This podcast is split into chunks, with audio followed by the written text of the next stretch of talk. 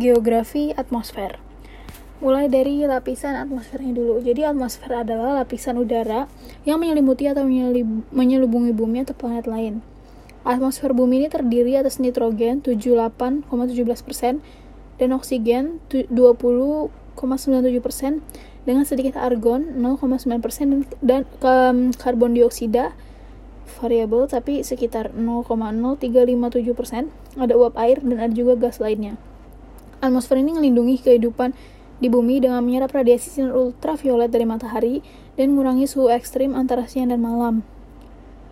Nah, e, berdasarkan temperatur atau susunan termalnya, atmosfer ini dibagi jadi troposfer, stratosfer, mesosfer, termosfer, dan eksosfer. TSM TE.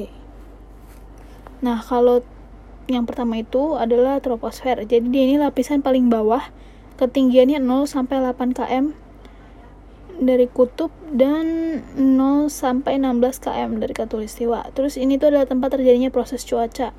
Jadi makin ke atas suhunya makin turun. Terus kedua, stratosfer. Jadi ketinggiannya 15 sampai 50 km. Ada terdapat lapisan ozon. Terus ada dia juga melindungi bumi dari sinar UV. Dan kalau mesosfer itu ada di ketinggian 50 sampai 85 km. Nah, suhunya itu nyampe 100 derajat Celcius, jadi meteor meteor ini terbakar. Terus ada juga termosfer, jadi ketinggiannya 85 sampai 500 km. Ada lapisan ionosfer yang memantulkan gelombang radio. Terus ada juga yang terakhir eksosfer, dia lapisan terluar dengan ketinggian lebih dari 500 km. Nah, dia itu didominasi gas hidrogen. Ingat lagi, urutannya dari yang paling bawah adalah TSMTE, troposfer, stratosfer, mesosfer, termosfer, eksosfer. Lanjut, sifat atmosfer ini gak berwarna, gak berbau, gak punya rasa dan gak bisa dirasa, dan mudah bergerak. Lanjut ke unsur cuaca dan iklim. Nah, cuaca ini adalah keadaan udara pada waktu yang singkat dan tempat yang sempit. Kalau iklim ini keadaan cuaca rata-rata di daerah yang luas dan waktu yang lama. Nah, ini ada faktor-faktornya. Yang pertama adalah suhu atau temperatur. Terus alat pengukur suhu itu namanya termometer. Nah, pemanasan udara ini dibedain atas dua hal. Yang pertama itu langsung dan tidak langsung. Kalau langsung itu ada absorpsi, absorpsi, refleksi, dan difusi. Absorpsi itu adalah penyerapan radiasi matahari. Refleksi itu pemantulan sinar matahari.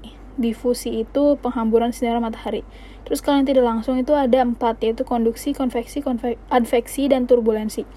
Konduksi itu penerusan energi, konveksi itu pemanasan udara secara vertikal, adveksi itu pemanasan udara secara horizontal, dan turbulensi itu pemanasan udara yang gak teratur.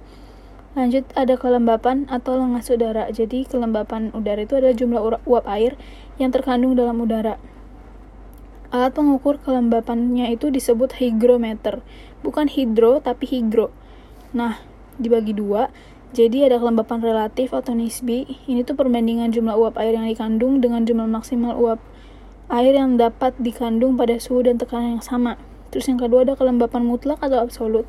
Ini tuh adalah jumlah uap air setiap 1 meter kubik udara. Jadi dia pakai gram per meter kubik. Lanjut ada curah hujan.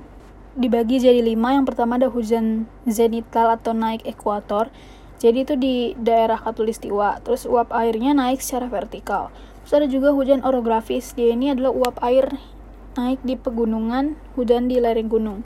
Terus ada juga hujan siklonal, jadi ini tuh pengaruh angin siklon, udaranya naik dan menjadi dingin. Terus ada juga hujan muson, ini tuh pengaruh angin muson barat, bulan Oktober sampai April. Terus ada juga hujan frontal, tuh pertemuan masa udara panas dengan masa udara dingin. Selanjutnya ada angin. Angin itu adalah udara yang bergerak dari daerah tekanan tinggi ke rendah. Alat pengukur kecepatan angin itu namanya anemometer. Angin ini dibagi jadi banyak. Yang pertama ada angin pasat. Jadi dari maksimum subtropik ke minimum katulistiwa. Terus ada juga angin antipasat. Geraknya tuh dari katulistiwa atas ke maksimum subtropik. Ada juga gaya Coriolis. Jadi ini udara yang bergerak di belahan bumi utara ke katulistiwa akan berbelok ke kanan, sedangkan udara yang bergerak di belahan bumi selatan menuju ke Katulistiwa itu bakal belok kiri. Terus ada angin muson, jadi itu berganti arah setiap 6 bulan sekali. Kalau Oktober sampai April, mataharinya itu ada di belahan langit selatan. Jadi benua Australianya tuh lebih banyak dapat pemanasan matahari daripada benua Asia. Jadi di Australia itu ada pusat tekanan udaranya rendah atau depresi. Sedangkan di Asia ada pusat-pusat tekanan udara yang tinggi atau kompresi. Jadi arus angin dari benua Asia ke Australia geraknya. Nah di Indonesia angin ini disebut angin muson barat. Jadi um, karena angin ini melewati Samudra Pasifik dan Samudra Hindia, maka banyak bawa uap air. Jadi umumnya di Indonesia itu terjadi musim hujan. Nah musim penghujan itu meliputi hampir seluruh wilayah Indonesia, cuma nggak merata. Makin ke timur, curah hujan tuh makin berkurang karena kandungan uap airnya makin dikit. Nah, kalau bulan April sampai Oktober, mataharinya itu ada di belahan langit utara, jadi benua Asia-nya lebih panas daripada benua Australia. Akibatnya di Asia itu terdapat pusat-pusat tekanan udara rendah, sedangkan di Australia terdapat pusat-pusat tekanan udara tinggi. Jadi, anginnya itu gerak dari Australia ke Asia. Di Indonesia terjadi angin musim timur. Karena tidak melewati lautan yang luas, maka angin ini nggak banyak mengandung uap air jadi pada umumnya di Indonesia tuh terjadi musim kemarau kecuali pantai barat Sumatera, Sulawesi Tenggara, dan pantai selatan Irian Jaya. Lanjut ada angin siklon, ini tuh tekanan minimumnya dikelilingi, dikelilingi tekanan maksimum berlawanan arah jarum jam pada belahan bumi utara dan searah pada belahan bumi selatan. Ada juga angin antisiklon, jadi ini tekanan maksimumnya dikelilingi oleh tekanan minimum terus searah jarum jam pada belahan bumi utara dan berlawanan arah pada belahan bumi selatan. Jadi kebalikannya siklon. Terus yang terakhir ada angin lokal. Jadi ini tuh adalah angin darat dan angin laut. Angin gunung dan angin lembah angin fon panas dan kering.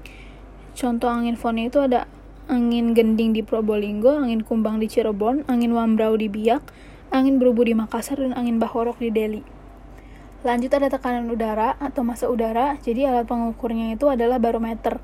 Nah, makin tinggi tempatnya, makin kecil tekanan udaranya. Lanjut ada penyinaran matahari. Jadi ini adalah intensitas sinar matahari yang jatuh ke bumi. Alat pengukurnya solarimeter. Lanjut ada awan. Awan ini adalah uap air yang mengalami kondensasi jadi titik-titik air. Dibagi jadi tiga. Yang pertama kumulus, cirinya tebal bergumpal. Terus yang kedua sirus, Cirrus itu tipis seperti kapas, ada juga stratus yaitu berlapis dan rata. Lanjut ke klasifikasi iklim. Iklim di suatu tempat di bumi itu dipengaruhi oleh letak geografis dan topografi tempat itu. Pengaruh posisi relatif matahari terhadap suatu tempat di bumi itu menimbulkan musim. Nah, ini ada klasifikasi iklim penjelasannya. Pertama tuh ada iklim matahari dibagi jadi empat yaitu tropis, subtropis, sedang, dan dingin. Kalau tropis itu 0 sampai 23 setengah derajat LU atau LS. Kalau subtropis itu 23 setengah sampai 40 derajat LU atau LS.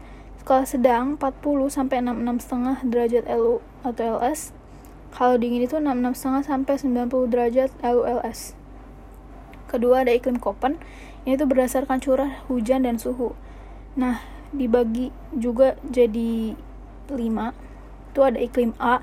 Iklim A ini adalah iklim hujan tropis. Jadi cirinya curah hujan tahunannya itu lebih besar dari evapotranspirasi. Suhu bulan terdinginnya itu adalah 18 derajat celcius. Nah ini juga dibagi lagi nih. Ada iklim AM iklim AW dan iklim AF kalau iklim AM itu iklim musim, iklim AW itu iklim sabana, iklim AF itu iklim hutan hujan tropis. Lanjut tadi, iklim A, sekarang iklim B. Iklim B ini adalah iklim kering, jadi curah hujan tahunannya lebih kecil dari evapotranspirasi. Itu dibagi ada iklim BS dan iklim BW. BS itu iklim stepa, BW itu iklim gurun. Terus lanjut ada iklim C. Ini adalah iklim sedang, suhu bulannya itu suhu bulan terpanasnya itu uh, bisa lebih dari 10 derajat Celcius, terdinginnya itu bisa minus 3 derajat Celcius. Terus kalau iklim D inilah iklim hutan salju. Suhu bulannya itu suhu bulan terpanasnya lebih dari 10 derajat Celcius dan terdinginnya 3 derajat Celcius. Terakhir ada iklim E atau iklim kutub. Jadi suhu bulan terpanasnya kurang dari 10 derajat Celcius. Ada juga iklim Smith-Ferguson. Nah, ini tuh perbandingan rata-rata bulan kering uh, curah hujan kalau bulan kering itu curah hujannya kurang dari kurang dari 60 mm dengan bulan basah yang curah hujannya lebih dari 100 mm. Rumusnya itu adalah rata-rata bulan kering dibagi rata-rata bulan basah dikali 100%. Terus ini banyak banget penentuan iklimnya dari A sampai H. Buat rasio persentasenya itu bisa lihat di internet aja karena percuma nggak bakal hafal juga kayaknya kalau disebut. Cuma kalau iklim A itu sifatnya sangat basah. Kalau iklim B itu basah iklim C itu agak basah iklim D itu sedang iklim E itu agak kering F itu kering G itu sangat kering H itu luar biasa kering. Lanjut ada iklim Junghun. Dia itu berdasarkan ketinggian tempat itu dibagi jadi empat.